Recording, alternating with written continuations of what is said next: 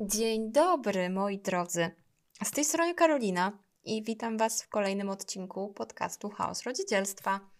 Dzisiaj porozmawiamy sobie o tym, chociaż dobra, nie udawajmy, ja będę mówić, więc porozmawiam sobie o pewnym ciekawym świecie, w którym kiedyś e, trochę byłam, e, który jest bardzo tajemniczy i tak naprawdę mało który śmiertelnik zdaje sobie sprawę z tego, co tam się w ogóle dzieje i o co w tym chodzi.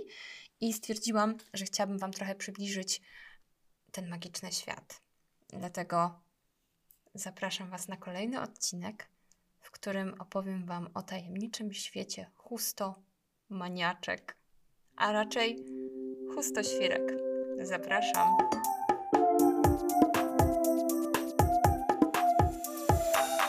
Z chustoświrkami to jest trochę tak, że są wielkimi miłośniczkami noszenia dzieci w chustach, tak w skrócie.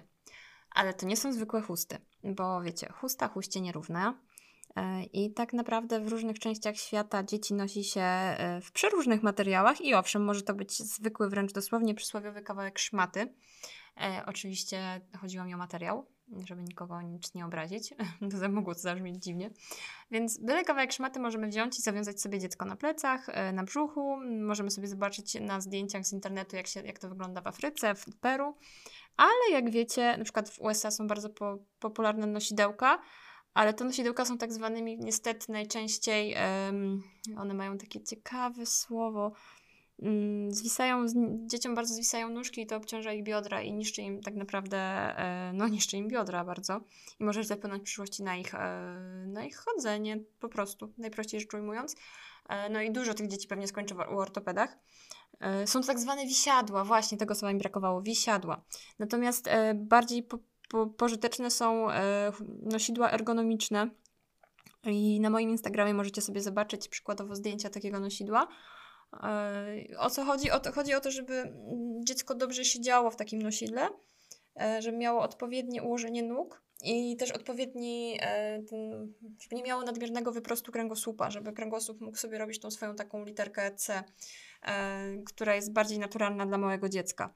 Nawet jak śpi bokiem, to możemy się przyjrzeć, dziecko ma taki fajny łuczek na plecach i dzięki nosidłom ergonomicznym, a także dzięki chustom może go dalej zachować. No ale w sumie miałam bardziej o chustach, a zaczęłam o nosidłach. I tak, na pewno, na 100% ktoś z Was musiał widzieć latem, jesienią kobietę z dzieckiem w chuście. Co sobie wtedy pomyśleliście? Hmm? No, ciekawa jestem, bo na przykład dla mnie ten widok zawsze był cudowny i rozczulający. I jak urodziłam pierwszą córkę, to marzyło mi się, że będę nosiła ją w chustach. I kupiłam sobie chustę, ale ja się totalnie na tym nie znałam i nie szukałam wiedzy. Po prostu zamówiłam sobie na Allegro chustę i jaka byłam dumna. Była tam taka karteczka z wiązaniami, jak sobie zawiązać dziecko, no więc wiązałam to dziecko według tego, tego instruktażu na karteczce. No ale nie powiem, żeby nam to jakoś świetnie szło. Tym bardziej, że Iza była bardzo wybredna i w ogóle nie chciała siedzieć w kuście, więc skończyło się płaczem i tym, że może poszliśmy parę razy na 15-minutowy spacer. Dopiero potem, kiedy urodziłam drugie dziecko i znów zainteresowałam się tematem, dowiedziałam się, że jakby to powiedzieć, że chusta była do dupy. Znaczy nie, nie była, przepraszam. Są tacy, którzy nawet w takich chustach noszą, ponieważ ona była tak zwanym, była tak zwanym, mm, była tkana na płasko, jeśli mogę tak to ująć. Co oznacza, że była to zwykła bawełna. Taka totalna pościeluwa, jak mamy prześcieradła, pościel, obrus. I w czymś takim nosiłam dziecko. I o co chodzi? O to, że ta chusta się w żaden sposób nie rozciąga. Nie jest... E, nie dopasowuje się do ciała, nie jesteśmy w stanie jej tak idealnie dociągnąć. Wrzyna się w skórę tutaj pod pachami, na plecach, dziecku też pod, pod, yy, pod kolankami się tak nieprzyjemnie zaciąga. No nie jest to wygodne ani przyjemne dla nikogo, no i ona bardzo szybko się luzuje, czyli to wiązanie, które wykonamy, zaczyna się roz, rozchodzić. A właśnie w noszeniu dzieci w chustach najważniejsze jest odpowiednie dociągnięcie, mocne zawiązanie, dzięki którym i odpowiednio utkana chusta, czyli nie, nie taka tkana na płasko, e, pozwala zapewnić e, odpowiednie dociągnięcie i ta chusta nie będzie się rozwiązywać. No chyba, że dziecko jest bardzo ciężkie, a chusta ma na przykład e, za cienką gramaturę. No to wtedy też będzie się luzowało. Ale ja zaczęłam Wam tak dużo mówić mądrych rzeczy, a ja chciałam dzisiaj trochę na wesoło. Umówmy się, że e, jeśli ten odcinek się Wam spodoba, to za jakiś czas e, nagram coś więcej o noszeniu chust, o noszeniu dzieci w chustach, e, z większą ilością takich detali i ciekawostek, e, które mogę zaczerpnąć od specjalisty, bo są w ogóle doradcy noszenia. Nawet miałam do czynienia z takowymi. E, I to jest bardzo fajny zawód, bardzo fajne dziewczyny e, i pewnie są też jacyś panowie, więc jeśli tak, to pozdrawiam i trzymam kciuki. Mm, bo wiecie, świat chust jest niezwykle szeroki. Jest, są przeróżne chusty, naprawdę. Różne, y, różne sploty. Jest, mm, nie wiem, są tkane maszynowo, są, jest splot skośno-krzyżowy, jest, w ogóle wcześniej powiedziałam tkane na płasko. Wszystkie są tkane na płasko. Poprawiam się, chodziło oczywiście o splot taki prosty. E, więc trochę tu mieszam Wam też, więc tej wiedzy też nie przekażę za bardzo, ale jest też splot jodełkowy, żakardowy, tak zwany wafelek, serduszkowy, no po prostu jest tego, są przecudne te sploty i naprawdę wyglądają fantastycznie, a w dotyku są jeszcze fajniejsze.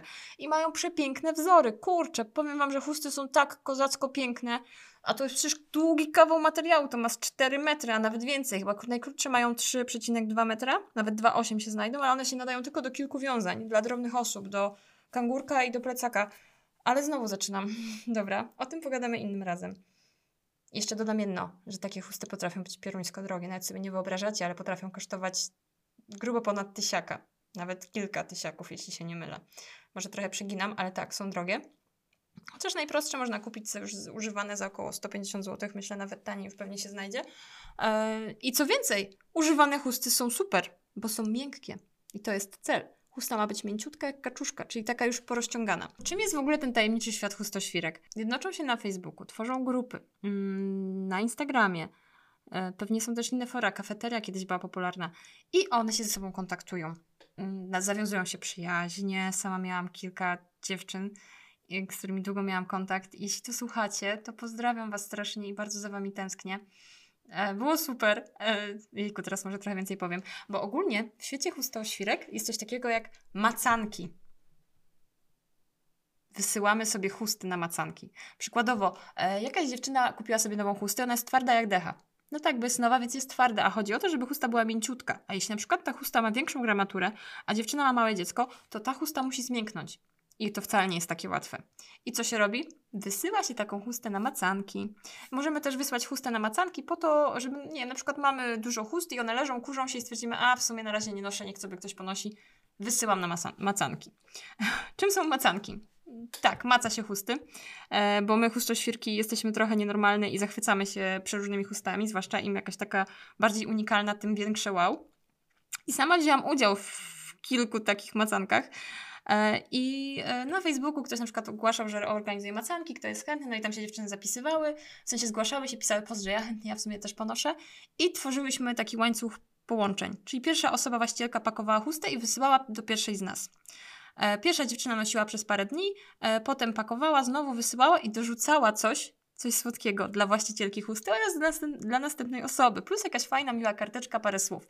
I tak leciało dalej. To było tak totalnie miłe i cudowne, że ja chyba przez grubo ponad rok miałam na Facebooku, na Messengerze grupę właśnie z dziewczynami, nawet nie powiem, jak się nazywała ta grupa, bo to było śmiesznie. I miałyśmy cudowne towarzystwo wsparcia. E, ja chyba po dzisiejszym odcinku odkopię tą grupę i napiszę do nich.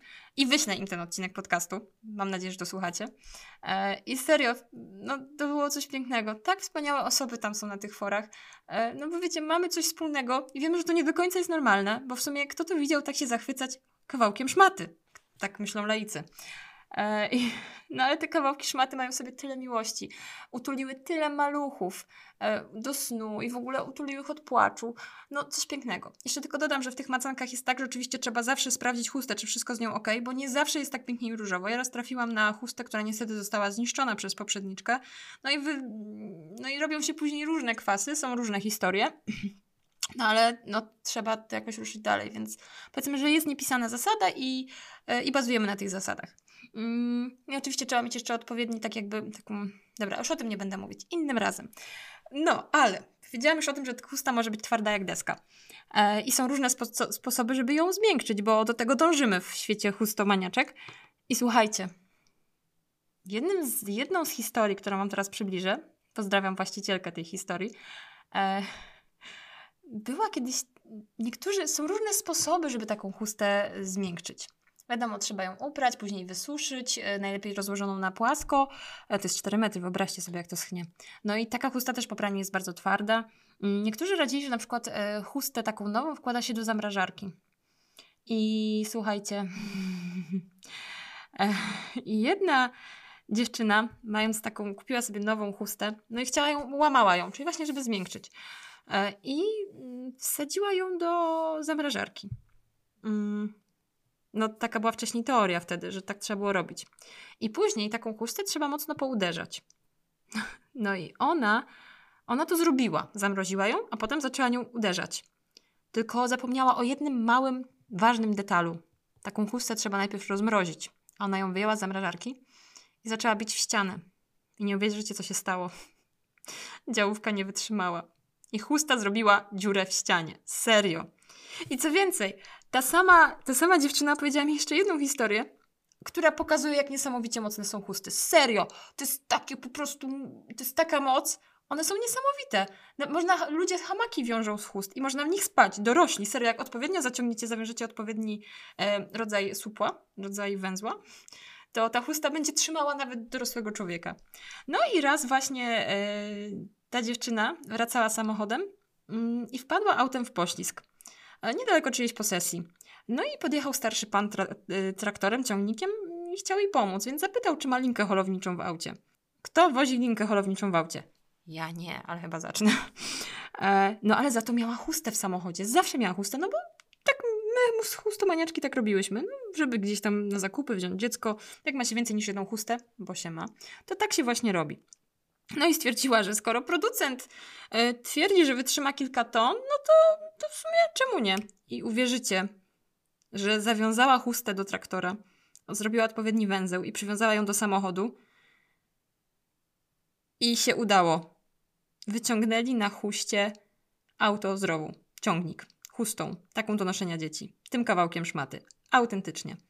A jak już jesteśmy przy kawałku szmaty, to o, jest masa historii o, o bied, tych biednych chustach, które źle skończyły. Na przykład e, zdarzyło się nieraz, że na przykład teściowa znalazła, e, znalazła ją gdzieś leżącą. No i stwierdziła, że jaki ładny kawałek e, materiału. No i pocięła i, i uszyła bieżniki, jakieś różne e, ściereczki. Mm, no wyobraźcie sobie, jaki to musi być ból, kiedy nagle widzisz, że z twojej chusty do noszenia dziecka zostały ścinki, a ta chusta kosztowała trochę. No, to musi boleć. E, no i też zdarzyła się sytuacja, że jedna, jedna z chustomaniaczek zostawiła przypadkiem e, na cmentarzu na grobie chustę. Mm. I ktoś, kto się zajmował tym cmentarzem, znalazł tą chustę. Pociął ją na kawałki i mył tą chustą groby. Jak ścierką. Także można, oj można. Mm, bardzo częstym grzechem chustoświrek jest też e, zatajanie prawdy o tym, że chusta tak naprawdę jest moja, tylko, tylko mówienie, że no wiesz, kochanie, przyjechała na macanki. I akurat tych historii było sporo. Serio. E, pamiętam, jak do mnie przyjeżdżały chusty, to mój mąż tak spoglądał tylko już z takim wzrokiem typu co? Ja nie, nie kupiłam to macanki. Ale z drugiej strony to jest bardzo dobra wymówka, no bo co, przyjeżdża kolejna chusta i taki, taki facet może już się pogubić. No kolejna i kolejna i kolejna przyjeżdżają, odjeżdżają. Tylko jeśli jest już ponad miesiąc, to coś długie te macanki, co? Jestem ciekawa, ilu, ilu mężczyzn dało się nabrać i do tej pory jeszcze żyją w przekonaniu, że to przecież tylko macanki. Ale może to są tylko macanki w sumie. Kto wie, może tak być.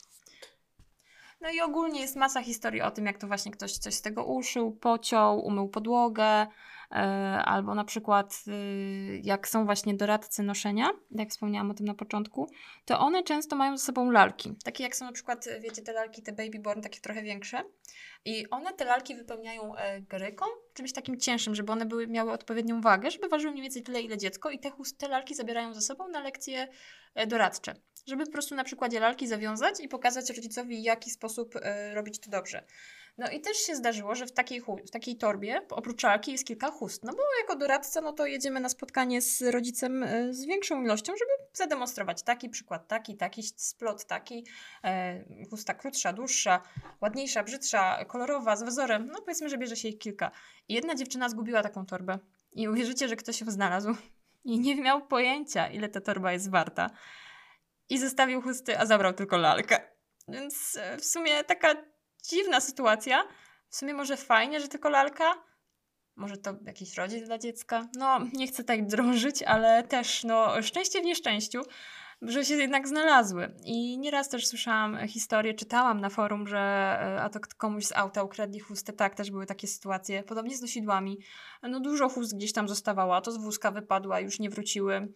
No, dla niektórych, niektórzy stwierdzą, że to tylko kawałek, e, kawałek jakiegoś materiału, z którego można coś ładnego uszyć, a niektórzy być może będą wiedzieli, co to jest.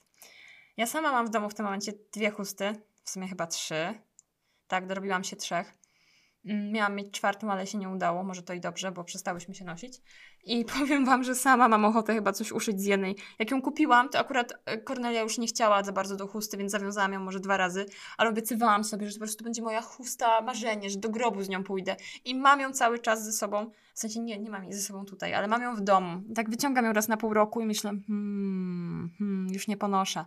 Ale co by z niej uszyć? I w sumie coś bym z niej uszyła, ale dalej nie wiem co. Jest piękna, naprawdę. Rzucę Wam kiedyś zdjęcie e, na Insta, żebyście mogli zobaczyć. Mm, no i tak naprawdę w tym momencie nie chcę gadać więcej już o, o tym temacie, bo nawet nie wiem, czy Was to ciekawi, ale po prostu dla mnie to jest niesamowite, jak, jak można się dać pochłonąć takiemu światu.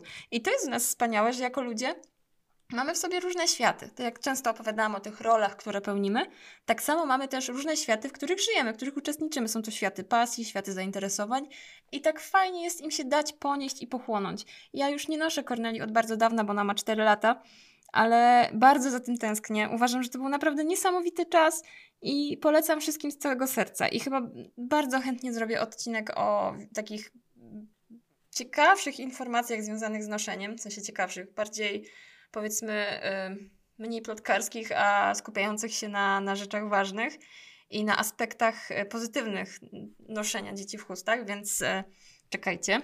Mm.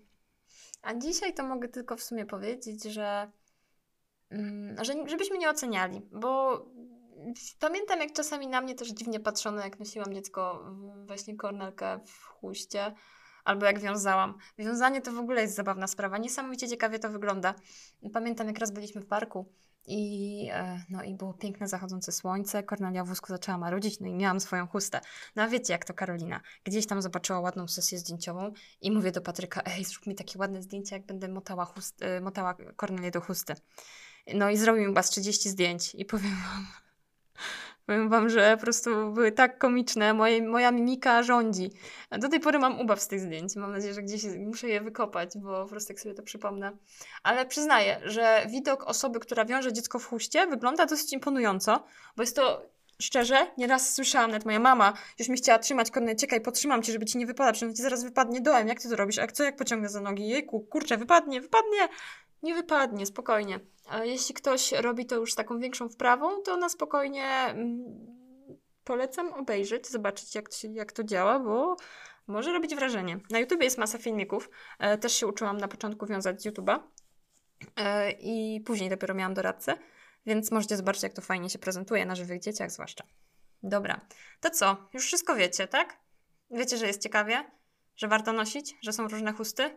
Super. No to jak wiecie, to co mi pozostało powiedzieć? Trwajmy w swoich pięknych światach zainteresowań i pasji, zbierajmy ciekawostki z nich i, i po prostu nie zapominajmy o tych światach. To jest bardzo ważne, żeby mieć swoje zainteresowania, swoje pasje. Nie oceniajmy pasji innych ludzi, bo każdy z nas jest inny, lubi co innego, interesuje się czymś innym. I taka puenta z tego odcinka wypływa. Szanujmy się. I bardzo pozdrawiam wszystkie chustoświerki. Po prostu jesteście super dziewczyny. Róbcie to dalej. Ale ja już nie będę miała trzeciego dziecka, nie będę już nosiła, wybaczcie mi, już nie będę nigdy chustoświrką, ale zawsze będę emerytowaną już, to mi zostanie. Dobra, to wszystko mówiłam ja. I życzę Wam bardzo, bardzo dobrego y, dnia, wieczoru, nocy, życia. I co? I słyszymy się za tydzień, mam nadzieję. Oby, może wcześniej. Zobaczymy. Do usłyszenia.